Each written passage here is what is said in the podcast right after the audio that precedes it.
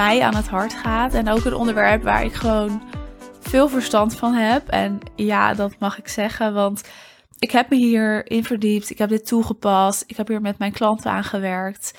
In hun strategieën toegepast. En het is een interessant iets. Interessante materie eigenlijk. Maar er zit altijd een beetje een schaduwrandje aan. Wat ik dus heel erg goed begrijp. Maar daar ga ik gewoon even wat over delen met je in deze aflevering. En ik ben ook benieuwd hoe jij er naar kijkt. Ik heb het namelijk over beïnvloeden. Hoe kijk je naar beïnvloeden?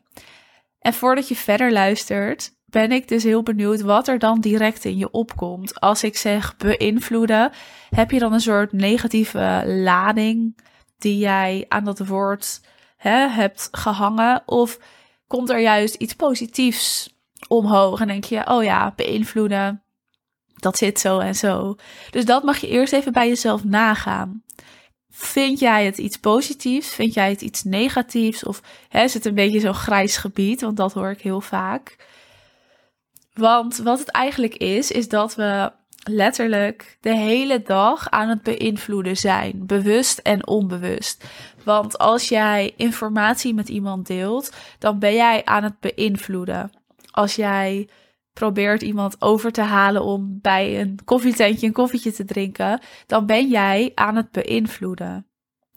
Dus je bent overal, offline, maar ook online, continu aan het beïnvloeden. Dus ook op jouw pagina's, op jouw website, ben jij aan het beïnvloeden. Je bent iemand aan het voeden met informatie en kennis, maar er zit een bepaald doel achter.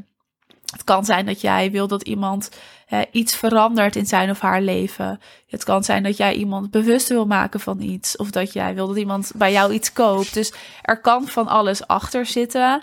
Maar beïnvloeden ben je altijd aan het doen. En dit is dus een eerste gegeven wat je gewoon mag gaan beseffen. Beïnvloeden is iets wat iedereen doet. Altijd en overal. alles wat jij ziet. Nou, ik hoef het je eigenlijk bijna niet te vertellen. Maar als jij op Instagram scrolt, alle advertenties, dat is beïnvloeden. Maar ook als jij langs de snelweg rijdt, de billboards die daar hangen, dat is gewoon beïnvloeden. De politiek heeft hier een heel erg handje van. Alle partijen zijn aan het beïnvloeden. En dat zijn ze vooral aan het doen door ja, dan een bepaalde techniek. En dat heet framing. Daar gaan we het toch wel een keer over hebben. Maar Iedereen is overal continu aan het beïnvloeden op televisie, in films, online, offline, je vrienden, je familie, je collega's, je concurrenten. Iedereen overal. En om dat gewoon eerst even te beseffen van oké, beïnvloeding is overal. Ja, dat is al interessant en dat opent ook al een beetje de deur om er iets milder naar te kijken. Want beïnvloeding hoeft dus niet iets negatiefs te zijn. Beter gezegd, beïnvloeding wordt overal gedaan. En als het dus alleen maar heel erg negatief zou zijn, dan zouden we in een hele slechte wereld leven. En ook daar valt natuurlijk over te twisten. Maar beïnvloeden gebeurt overal. En beïnvloeden is dus niet per definitie slecht. De materie van beïnvloeden, daar valt ook niet zoveel over te zeggen. Want dat is gewoon hoe ons brein werkt. Ons brein werkt op een bepaalde manier en daar is allerlei onderzoek naar gedaan en de wetenschap heeft daar van alles over gezegd. En daar zijn dus ook bepaalde technieken en strategieën uitgekomen die gewoon letterlijk vertellen wat je moet doen om je brein op een bepaalde manier te laten denken of te laten werken. En zo werkt dus ook die beïnvloedingstechniek framing. En een andere techniek is schaarste, die ontzettend bekend is. Schaarste, dat is een techniek wat gewoon iets oproept in ons brein. En we weten zelfs allemaal dat het gebeurt. als, als er ergens op booking.com bijvoorbeeld staat nog maar twee kamers op deze site, dat is gewoon schaarste. En dat is een beïnvloedingstechniek die ontzettend veel websites bijvoorbeeld gebruiken. En we weten, oké, hier wordt gewoon gebruik gemaakt van deze techniek.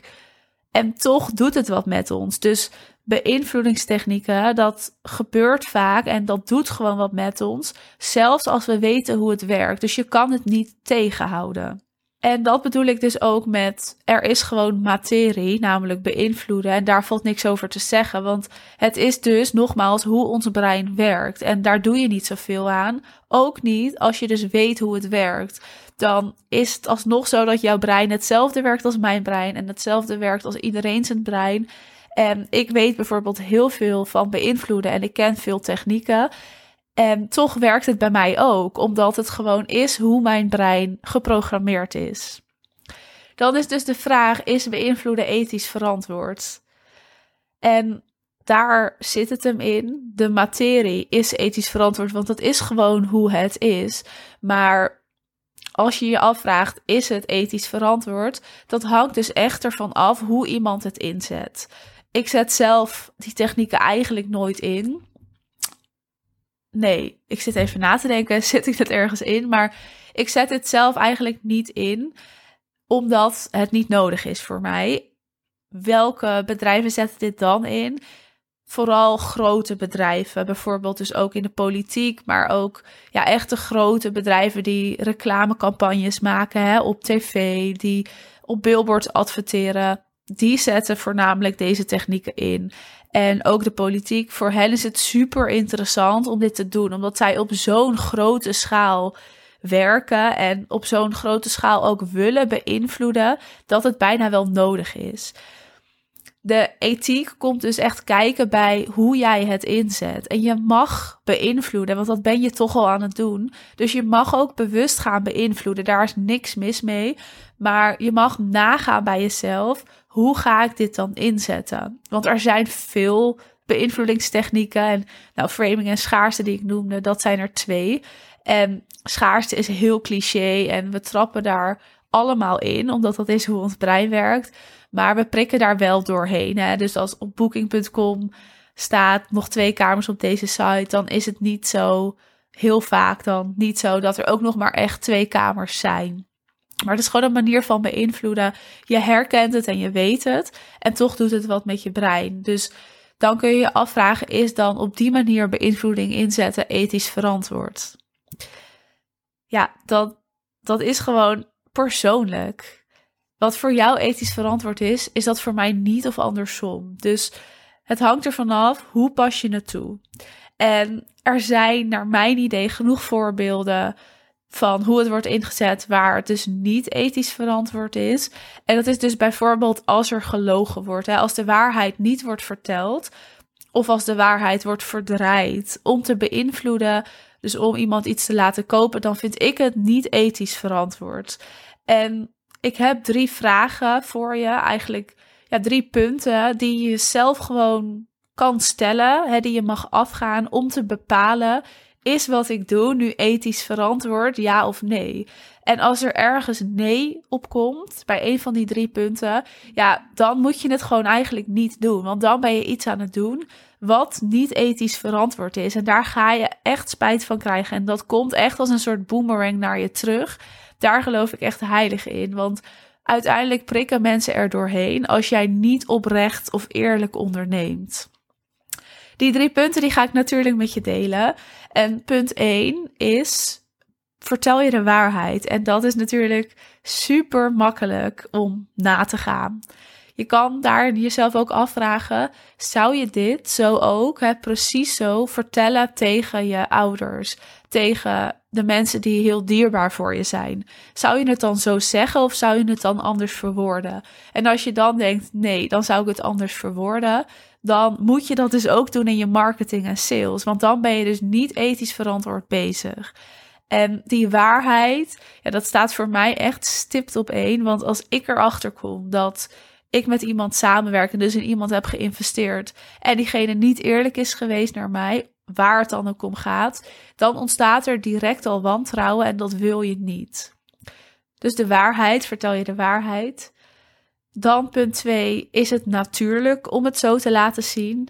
En daarmee bedoel ik, oogt het ook natuurlijk? Of ben je eigenlijk iets heel geks in elkaar aan het steken en iets heel geks aan het verwoorden of iets raars aan het proberen, wat dus heel onnatuurlijk aanvoelt?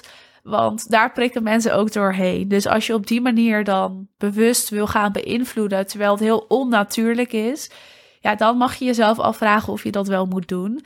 En daarbij bedoel ik dus ook, is het voor jou natuurlijk? Want voor mij kan iets heel natuurlijk aanvoelen, maar voor jou heel onnatuurlijk. En dit is dus ook een stukje dicht bij jezelf blijven, terwijl je dat beïnvloeden bewust aan het inzetten bent. En dan punt drie is, is het wijs? En met is het wijs bedoel ik eigenlijk, stel jij bent bewust aan het beïnvloeden en iemand koopt bij jou. Zou iemand de volgende keer weer bij jou kopen als diegene precies weet wat jij hebt gedaan? Dus als diegene heel goed weet en dat jij dus hebt uitgelegd van dit is hoe ik jou eigenlijk bewust heb beïnvloed en waarom jij dus gekocht hebt. Zou iemand dan weer bij jou instappen of voelt iemand zich dan bedonderd? Want als iemand zich dan bedonderd voelt, ja, dan moet je het niet doen. Want dan ben je en niet ethisch verantwoord bezig. Maar dan vind ik ook gewoon dat je jezelf en de ander echt voorbij loopt. Dus ja, dit zijn drie punten die je gewoon kan afgaan voor jezelf. Ben ik ethisch verantwoord aan het ondernemen eigenlijk?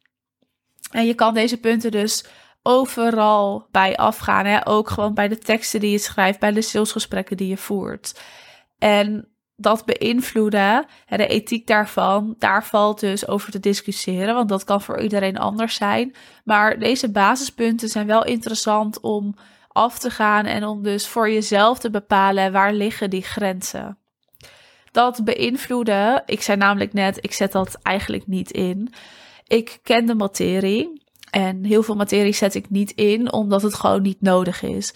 Maar het is wel heel interessant en daar gaat het eigenlijk om, hoe het brein werkt. En dat is ook de reden waarom ik beïnvloeden zo fascinerend vind, omdat het allemaal gaat over hoe jouw brein in elkaar zit. En ook dus hoe mijn eigen brein in elkaar zit en waarom ik ooit dingen wel of niet heb gekocht, waarom ik bepaalde keuzes wel of niet maak. En dat is waar beïnvloeden over gaat. En dat is ook waar jij wel echt rekening mee mag gaan houden bij het doen van je marketing. Dat ons brein op een bepaalde manier werkt. En dat als jij dat niet goed gaat bereiken, dat er ook een soort defensiemechanisme omhoog gaat schieten bij dan jouw potentiële klant, waar jij niet doorheen komt. Oftewel, we hebben het brein en we doen heel erg veel dingen op de automatische piloot. En daar wil je eigenlijk binnenkomen. Dus dat onbewuste stuk, dat is de automatische piloot. Zo mag je dat gaan zien. En dat is waar we eigenlijk 80% à 90% van de tijd op werken, de hele dag door.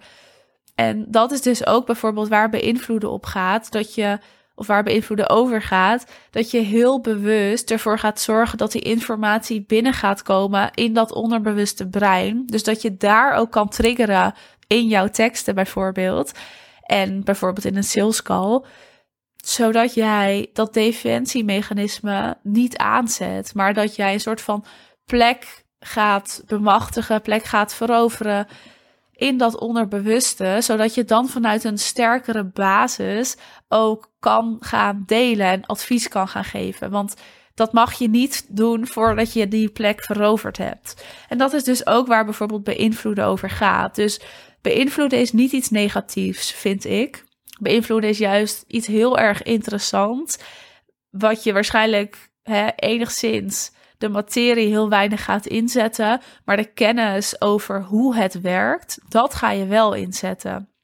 Dus hoe werkt dat brein en hoe zit dat bewuste en dat onderbewuste stuk en wat doe je dan in je marketing en sales om dat ook aan te zetten en te kunnen triggeren? Dus ja, is beïnvloeden ethisch verantwoord? Want daar ging deze podcast eigenlijk over. Dat hangt ervan af hoe je het inzet. Dat is voor mij het juiste antwoord. Want nogmaals, ik zie ook dat er bedrijven zijn die het voor mij niet ethisch verantwoord inzetten. Door bijvoorbeeld niet de waarheid te vertellen.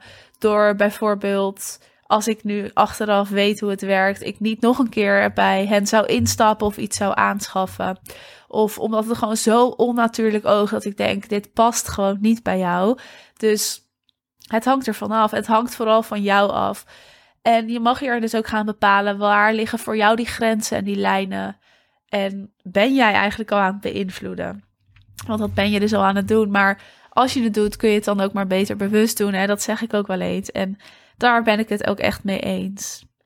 Goed, beïnvloeden. Ja, echt een super interessant onderwerp voor mij. Ik ben heel benieuwd hoe jij er naar kijkt. Dus stuur me even een DM. En dit was dus ook een groot onderwerp op mijn event van 6 oktober. Uh, is beïnvloeden ethisch verantwoord? Dat gesprek überhaupt openen. Maar daarna ook wat materie uitleggen van hoe het werkt en hoe je het kan toepassen. Zodat het voor jou ook werkend is en passend is.